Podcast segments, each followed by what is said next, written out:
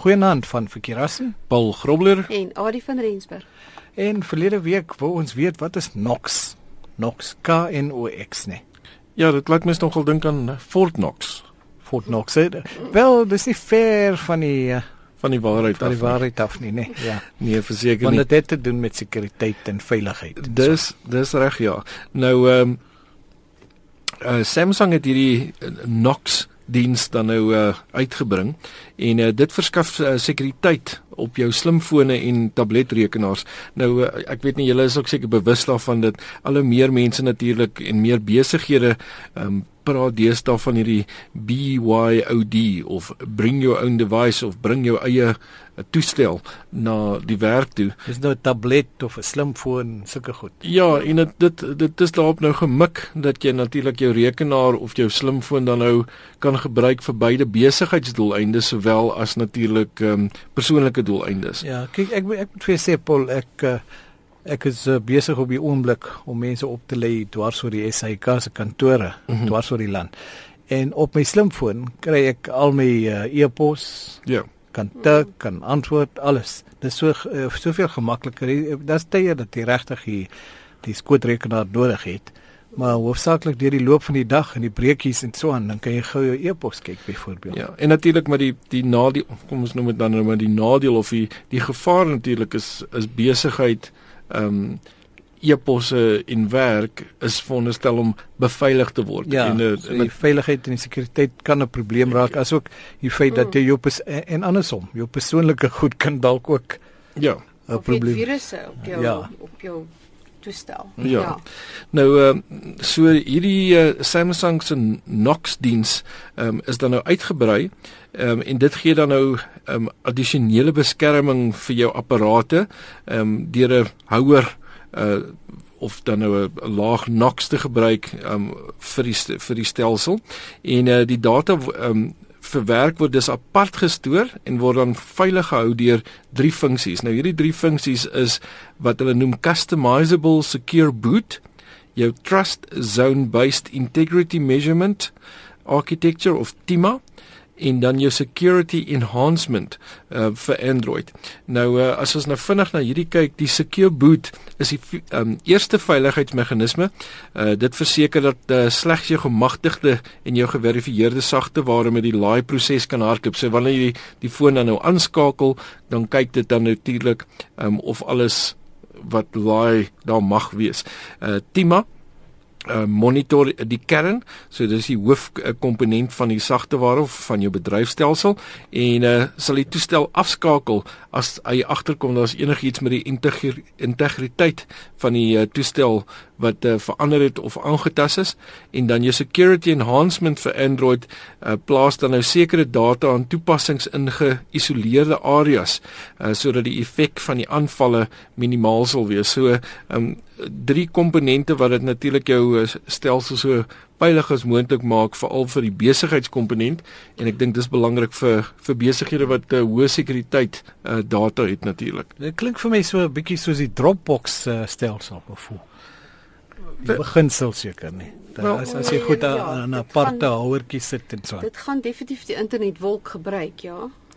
Ja, dit het nou nie heeltemal ek wil Dropbox uh, gee vir jou definitief die, die cloud funksionaliteit, maar die uh, daar's ek wil behalwe nou vir die gewone sekuriteit wat daar is, ehm um, is ehm um, hierdie het nou meer te doen met die om dan nou seker te maak dat daai houer waarin hierdie inligting is natuurlik so um, Beveilig ge, geïnkripteer is en so veilig as moontlik is. Nou daar's dan natuurlik ook ondersteuning vir derde party containers, uh, soos wat hulle dit nou noem of houers, um, en toegang tot die meeste Android bedryfstelsel gebaseerde toepassings of dan nou apps. En uh dit gee dan nou vir jou meer sekuriteit vir beide die hardeware en die sagteware wat natuurlik belangrik is. Ehm um, en daar's ook ontwerp om sekuriteitsgapings um, in Android aan te spreek. Uh, dit is natuurlik een van die uh, die kom ons noem dit dan nou maar probleme by Android is nou daar's nog maklik om 'n uh, agterdeur te kry um, wat veiligheid aanbetref uh, teenoor van die ander bedryfstelsels. Ja, en omdat dit so gewild is, word dit nou uiteraard Uitgebuit ja. Ja. Uh, Lyk my jy was toe reg, Paul. Dit is ge, geïnspireer deur Fort Knox, hoor ek. Wel dit ja, dit is want ek wil dit dit vir my ook logies sin. is die eerste ding waaraan mens wil dink. Nou uh die Knox diens is dan nou deel van die maatskappy se Samsung for Enterprise um oftewel dan nou safe aanbieding. Uh soos die soos 'n safe uh, wat jy gebruik veilig hou ja. Ehm um, en dan uh, met net die klik van 'n ikoon wissel mense dan nou tussen jou persoonlike inhoud en jou besigheidsinhoud sonder dat daar 'n wagtydperk is. So dit gaan ook natuurlik oor die die funksionaliteit uh, van die stelsel. En dan wanneer mense nou Knox in die Knox modus is, is daar 'n kortpad ikoon genaamd personal wat jou terugneem na jou normale foon toe.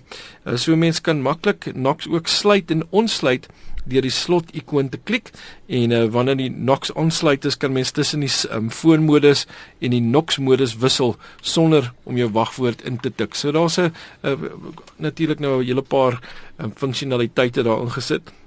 Samsung se Knox gebruik dan EMM Enterprise Mobility Management wat 'n internet wolkdiens is soos wat jy nou genoem het wat gelykstaande dan nou kom ons noem dit nou maar aan 'n Dropbox tipe funksionaliteit is vir die effektiewe bestuur van kruisplatform mobiele toestelle en inhoud en uh, dit bied 'n buigsame administratering gebruikersdiens deur die portale aan.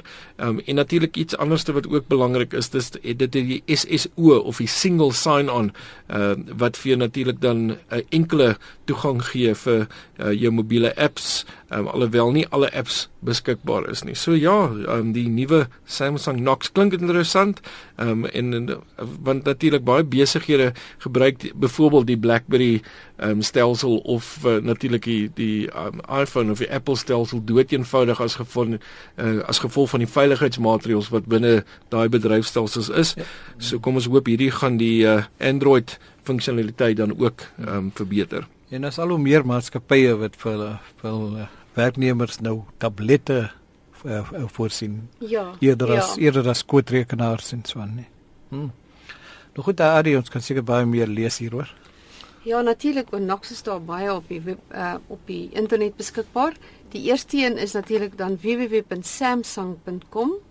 Ehm um, dan sit skynstreep global, skynstreep business, skynstreep mobile, skynstreep platform, skynstreep mobile, koppelteken platform, skynstreep Knox. So baie lank, dis net skynstreep, skynstreep Ja, daai. en as jy een. al daai skynstrepe wil vermy, gaan gaan eerder na een sonder een. Ja nee, ek wil nou net sê uh, so wat AD eintlik probeer sê het is rsg.co.za. Sonder enige skynstreep. Nou as hy Ja. en gaan kyk net daarso na die rekenaar rubriek uh, onder Chila tyd en daar sal jy al hierdie inligting kry en skakels kry. Ja, en natuurlik is daar op Wikipedia, en.wikipedia.org gaan ook vir jou goed oor Samsung Knox kan gee en dan ook uh, Kaspersky blog.kaspersky.com understanding Samsung Knox. Dis interessant nee, Kaspersky een van die wêreld se bekendste sekuriteitsmaatskappye Mm. mm. wat uh, veiligheid uh, aanbetref en hulle praat nou oor 'n uh, amper mededinger, Samsung. Ja. Ja, nou Interessant, ja. om te sien aan watter apps beskikbaar is in Knox, daar kan jy gaan na blog.clove.co.uk en dis ook weer 'n klompie skynstrepe daar. Ehm um, so ja, gaan kry hierdie webskakel ook maar daar. Net as jy wil uitvind watter van hierdie watter apps is wel beskikbaar. Want hulle maak nie almal beskikbaar nie omdat dit geverifieer en so aan moet wees. Dit is net seker is wat beskikbaar is in Knox self. Nou Willem het vir ons geskryf en hy sê hy het 'n probleem met sy bedryfstelsel wat nie sy DVT rom raak sien nie. En dit kan 'n paar probleme wees en uh, laat ek my eie ervaring nou deel. Na 'n lang gesukkelry waar ek 'n soortgelyke probleem gehad het, Willem, ek het twee DVT skrywers in my in my stelsel en die een wou net nie werk nie.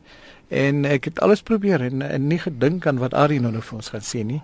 Maar in my geval was dit maar net een van die kabeltjies agter wat bietjie los was.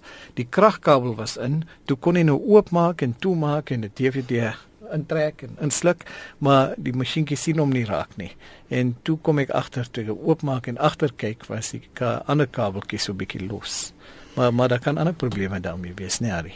Ja, dis baie dis dit gebeur dikwels, um, wanneer daar drywers is wat nie meer um, sê sê net maar jy het jou bedryfstelsel opgradeer.